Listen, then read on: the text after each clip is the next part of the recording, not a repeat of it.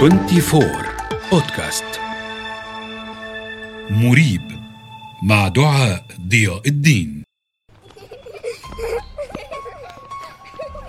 أحجار صغيرة بحجم كف اليد حفرت عليها وجوه غريبة. عثر عليها بالصدفة طفلان شقيقان خلال حفرهما وهما يلعبان في حديقة منزلهما الجديد. توجه الطفلان إلى والديهما لإبلاغهما بما وجداه الوالدان لم يعيرا انتباها للأحجار وسمحا للطفلين بالاحتفاظ بها في المنزل. ومن هنا بدأ الرعب. أنا دعاء ضياء الدين وهذه هي الحلقة الأخيرة من بودكاست مريب. وسأروي لكم الحكاية من البداية. في عام 1971 وتحديدا في بلدة هكسا شمال إنجلترا كانت عائلة روبسون قد انتقلت إلى منزلها الجديد في هذه المدينة.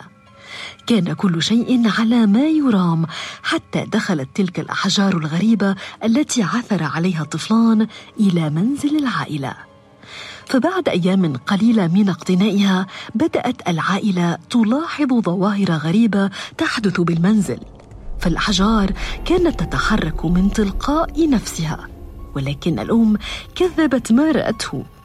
لم يتوقف الأمر عند هذا الحد فأحد أطفال العائلة كان يصرخ بشكل هستيري مدعيا أنه رأى أمام باب المنزل مخلوقا غريبا نصفه حيوان ونصفه الآخر بشر مخيف.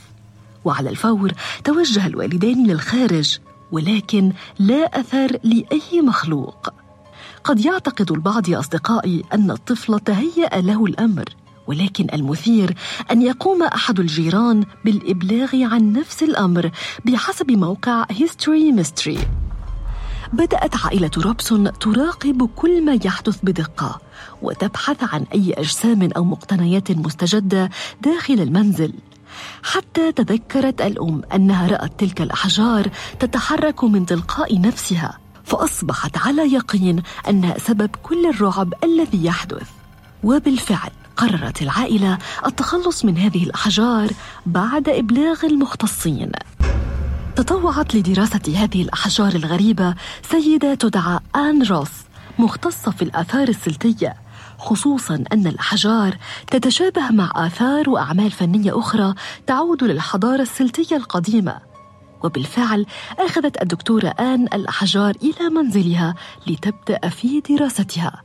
وكانت المفاجأة أنها بدأت تلاحظ ظواهر مخيفة تحدث في منزلها هي أيضا في الوقت الذي اختفت فيه تلك الظواهر من منزل عائلة روبسون.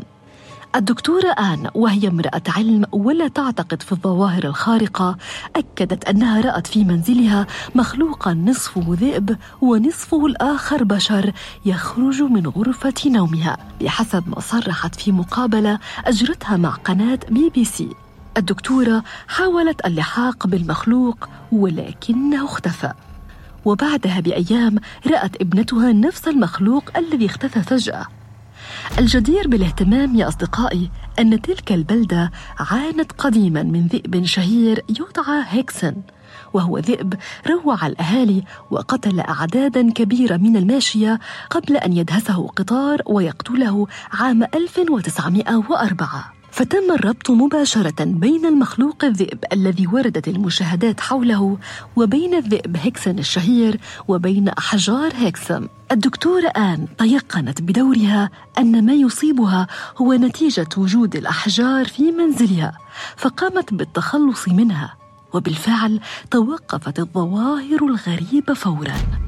العديد من الجمعيات ومراكز الأبحاث والجامعات تداولت أحجار هيكسام في محاولة لكشف لغزها وتاريخ نحتها ولكن كل المحاولات باءت بالفشل.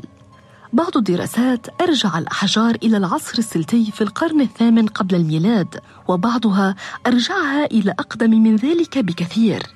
استمر نقل الأحجار من مكان لآخر حتى وصلت إلى جامعة ساوثهامبتون لدراستها. وبعد الانتهاء منها وعدم الحصول على أجوبة كافية منحت الأحجار يا أصدقائي إلى أحد الأطباء النفسيين عام 1978 لتختفي بعدها أحجار هكسم والرجل أيضاً. وتنقطع كل المشاهدات التي ارتبطت دائما بأحجار هكسم الملعونة. باختفاء هذه الأحجار يا أصدقائي اختفى أي أمل قد يكشف الستار عن خباياها فلم يتمكن أحد من تحديد أو تأكيد أي أمر عنها وبقي طي الكتمان. تاريخ صنعها ومن صنعها والغرض من صناعتها أو نحتها. ربما هذه الأحجار ضاعت أو اختفت عن غير قصد أو ربما أخفيت بقصد لإخفاء ما وراءها. وبالأخص أن المشاهدات الغريبة أو بالأحرى المشاهدات الخارقة للطبيعة قد أتت على لسان أهل العلم أنفسهم. ولا أحد يعرف حتى اليوم حقيقة أحجار هكسام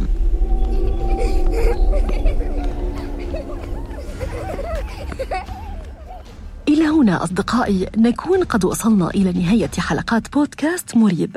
ولكن ما يزال العالم مليئا بالأشياء الغامضة. أتمنى أن تكونوا قد استمتعتم بحلقاتنا. تقبلوا أجمل التحية مني دعاء ضياء الدين ومن المونتاج هاني الشيباني.